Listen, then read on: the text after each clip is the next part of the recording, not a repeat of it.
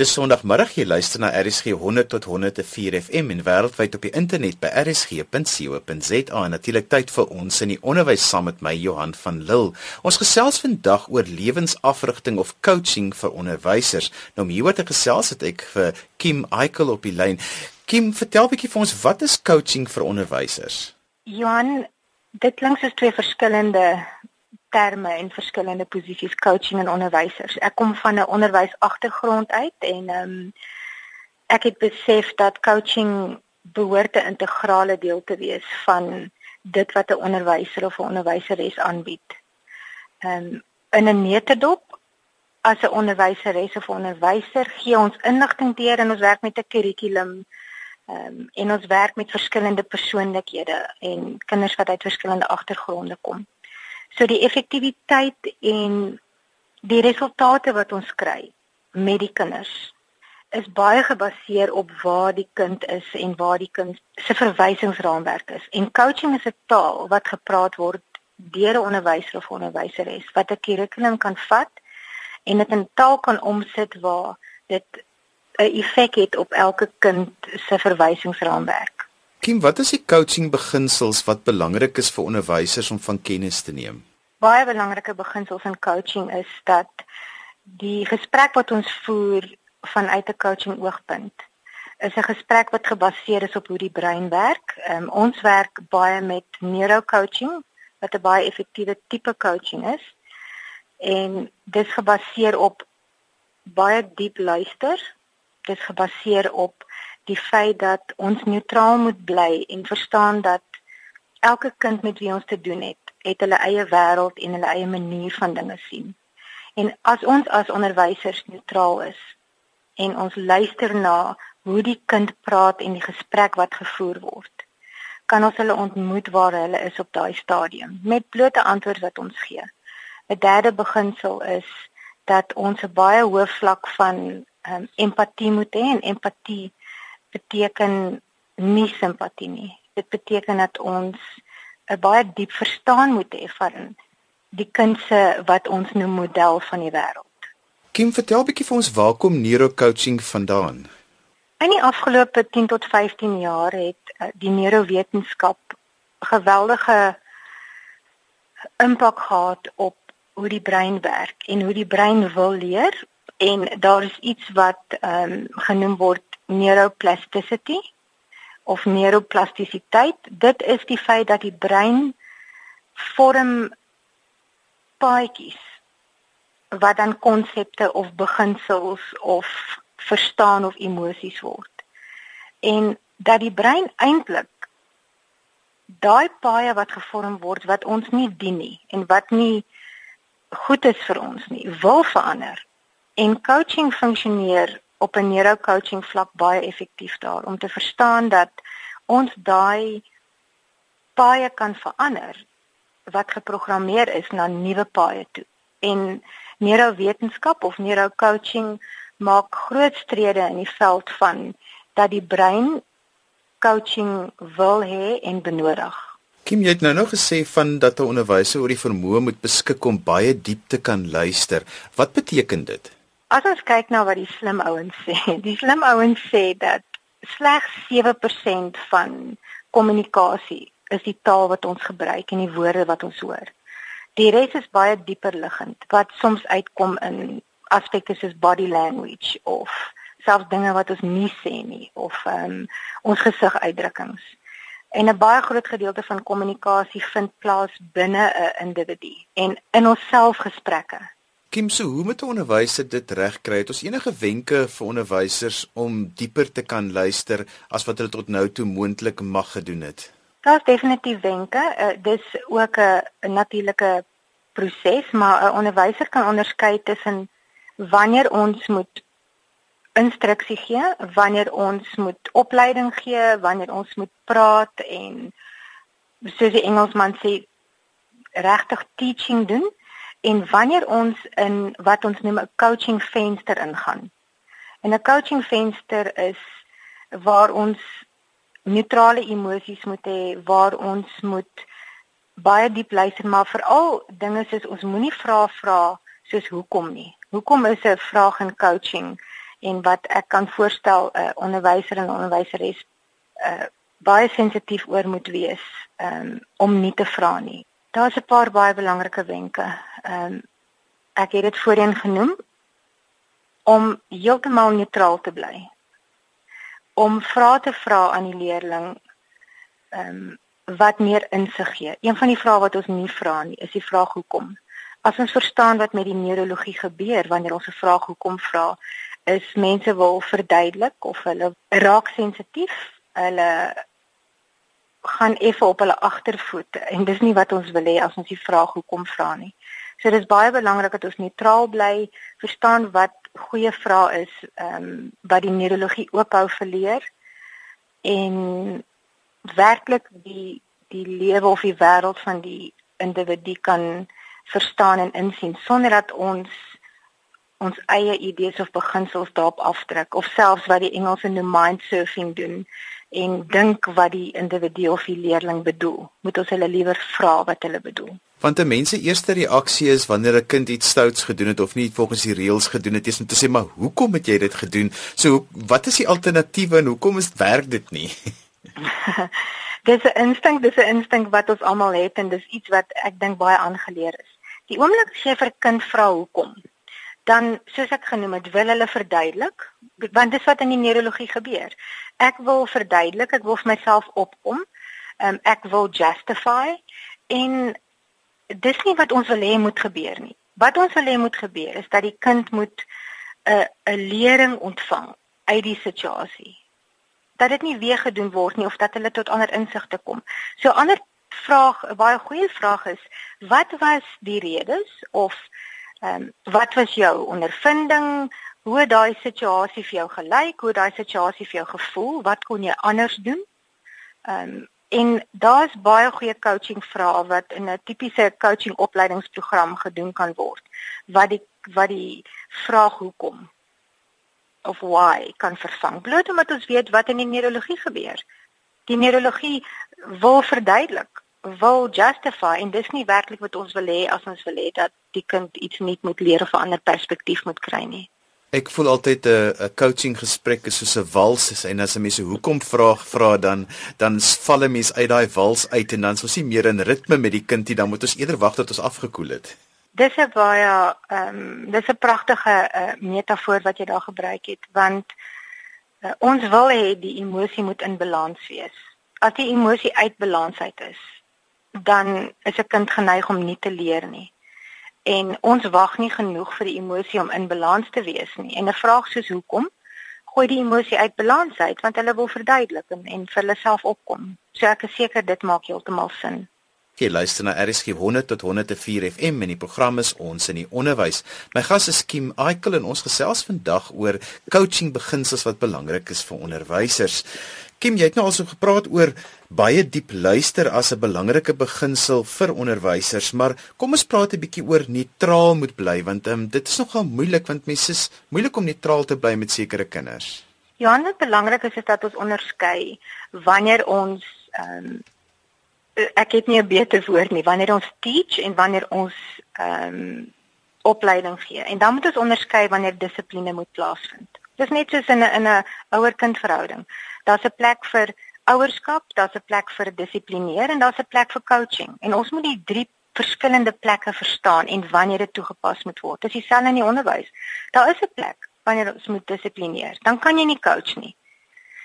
Daar's 'n plek wat ons moet onderwys gee en dis nie coaching nie. Maar dis baie belangrik dat as onderwysers ons kan vasstel en begin identifiseer wanneer coaching moet plaasvind. En dit is wanneer daar 'n lewensvaardigheid geleer moet word wanneer daar 'n ander perspektief of benadering op 'n situasie geleer moet word deur 'n kind.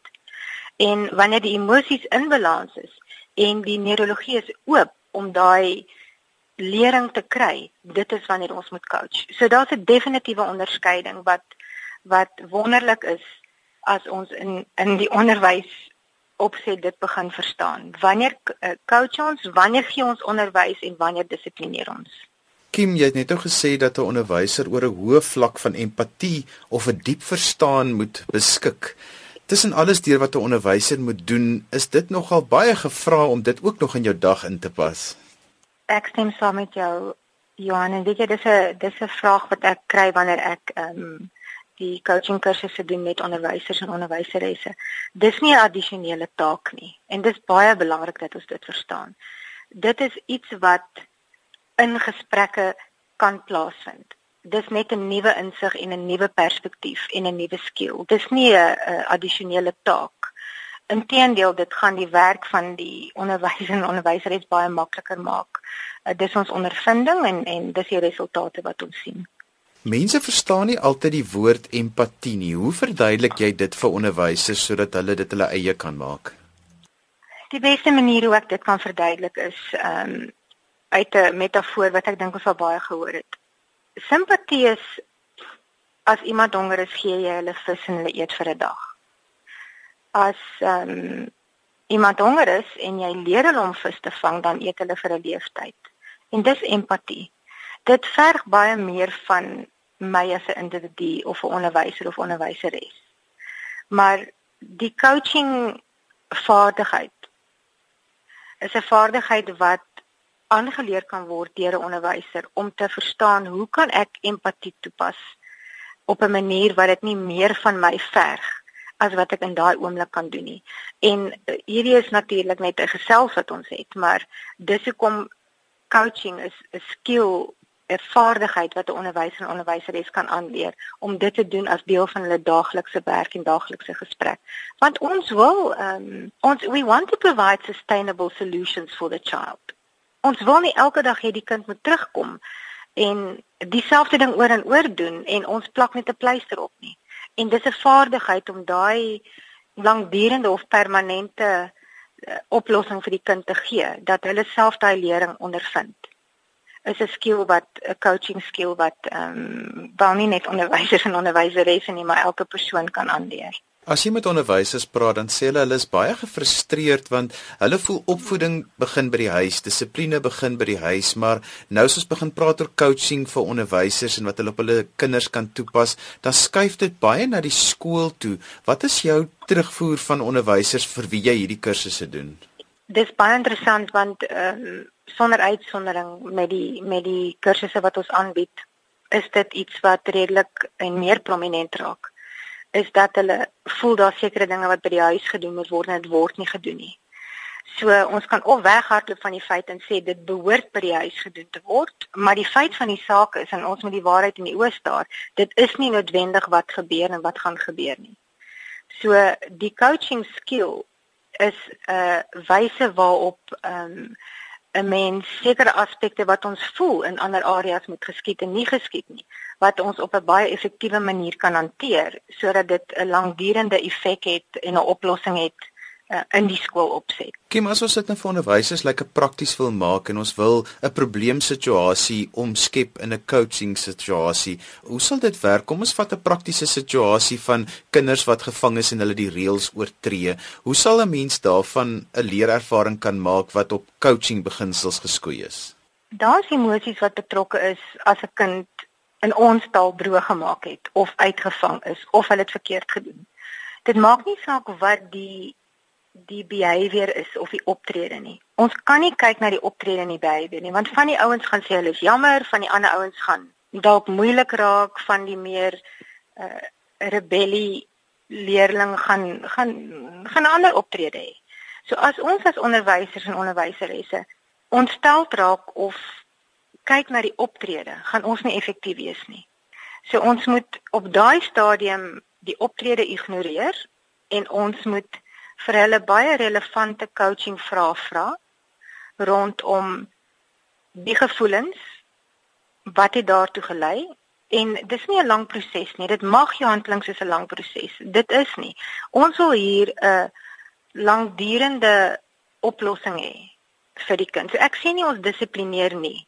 Wat ek sê is ons moet soos die boere sê regtig agter die kap van die byl kom wat die motivering was hiervoor. As ons 'n verandering wil laat plaasvind. So daar's spesifieke coaching vrae wat gevra word. Ons ehm um, ons acknowledge die emosie en die gevoelens wat hulle het, want dis baie belangrik met 'n kind. En dan kan ons oor die optrede praat. So dis verskillende goed. Ons kan nie die feit dat hulle sekere emosies het of sekere redes hoekom hulle dit gedoen het, net wegpraat en wegwens nie. Ons moet dat hulle daaroor kan praat en dan kan ons doen wat gedoen moet word wat die optrede betref. Dit is redelik moeilik vir my om dit in 'n netedop te gee want dit is 'n proses, maar dit is 'n baie vinnige en 'n effektiewe proses as dit korrek gedoen word.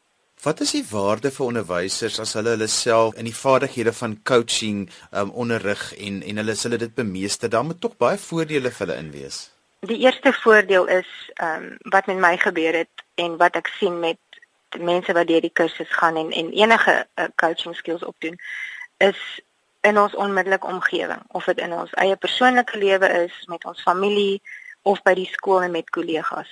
So daar's geweldige lewensvaardighede ehm um, wat inherent in coaching skills sit.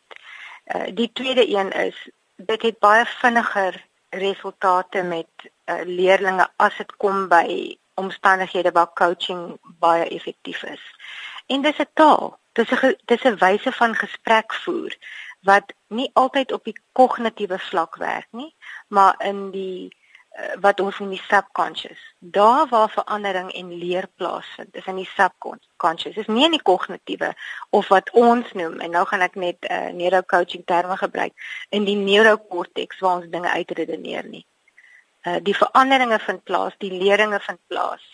Ehm um, in die subconscious. Dis waar dit plaasvind, maar dis ook waar die emosies sit. En dis hoekom ons nie emosies kan ontken in enige omstandigheid met 'n kind nie. Kim want die ander van coaching vaardighede vir tieners is so belangrik juis omdat die prefrontale korteks mos nou ontwikkel en 'n mens dan baie vaslegging moet hê juis van die regte besluitnemingsvaardighede en hoe om probleme te hanteer en dit is iets wat coaching jou baie mee help. Ja, ja, en sonder twyfel. Ehm um, coaching en neurocoaching spesifiek kyk na wat ons noem whole brain thinking. Dit kyk na die prefrontal cortex, maar dit kyk ook na die feit dat ons drie breine het baie mense redeneer ons het 4. Kom ons kom ons hou dit eenvoudig. Ons het die primitiewe brein, die instinktiewe brein wat baie gekoppel is aan oorlewing of survival. Ons het dan die middelbrein waar ons limbiek stelsel sit en dis daar waar al die emosies en al die ondervindinge soos um, in 'n in 'n fotoalbum saamgevang is en hulle is daar. En dan het ons die neokorteks waar die beplanning en die rasionele denke en daar waar ons vir mense sê dink 'n bietjie, dink bietjie beter. Ehm um, so ons moet in gedagte hou dat daar's 'n rede hoekom ons daai drie breine het. En die rede is dat soms vir oorlewing of wanneer daar vrees is, dan gebeur iets in die primitiewe brein. En soms as ons iets doen of ons word herinner aan iets, dan gaan hy in die middelbrein en hy haal 'n emosie en 'n ondervinding uit en dan reageer ons instinktief op 'n sekere manier. En dan in min gevalle waar dit meer moet geskied, kom die neokorteks in en hy sê wag 'n bietjie dat ek nou dink. Miskien moet ek nie so optree nie. Miskien gaan dit my nie dien nie en miskien is dit nie 'n goeie of 'n rasionele optrede nie. En in coaching besef ons dat ons kan nie een van hierdie drie breine ignoreer nie. Ons moet dit in ag neem, maar ons moet ook verstaan wat gebeur in die leerling in sekere omstandighede. So ons moet die kennis hê daarvan. Kimas onderwysers dalk met julle wil kontak maak om meer uit te vind van die kursusse wat julle aanbied, hoe kan hulle dit doen? Hulle kan my gerus persoonlik kontak. Hulle kan ook na ons webwerf toe gaan. Die maatskappy se naam is The Kim Coach Neuro Coaching Academy. Ehm um, ons lewer privaat dienste, ons lewer programme aan skole en aan ehm um, individue en ons webwerf is www.kimcoach.co.za. My nommer is 083 306 9120. Ehm um, ek verkies dat mense my op e-pos kontak wat kim@kimcoach.co.za is. Dis dan alwaar vir ons tyd het vandag. Onthou jy kan weer na die program luister as 'n potgooi. Laai dit af by rsg.co.za. Skryf gerus vir my e-pos as jy enige kommentaar het op die program of as jy ons gas se kontakbesonderhede verlang, dan sal ek dit vir jou aanstuur. Of as dit dalk onderwerpe is wat jy graag wil hê ons moet aanroer in ons in die onderwys. My e-posadres is Johan@wwd.co.za. Dit is Johan by wwd.co.za. Dan groet ek dan vir vandag tot volgende Sondag van my Johan van Lille. Totsiens.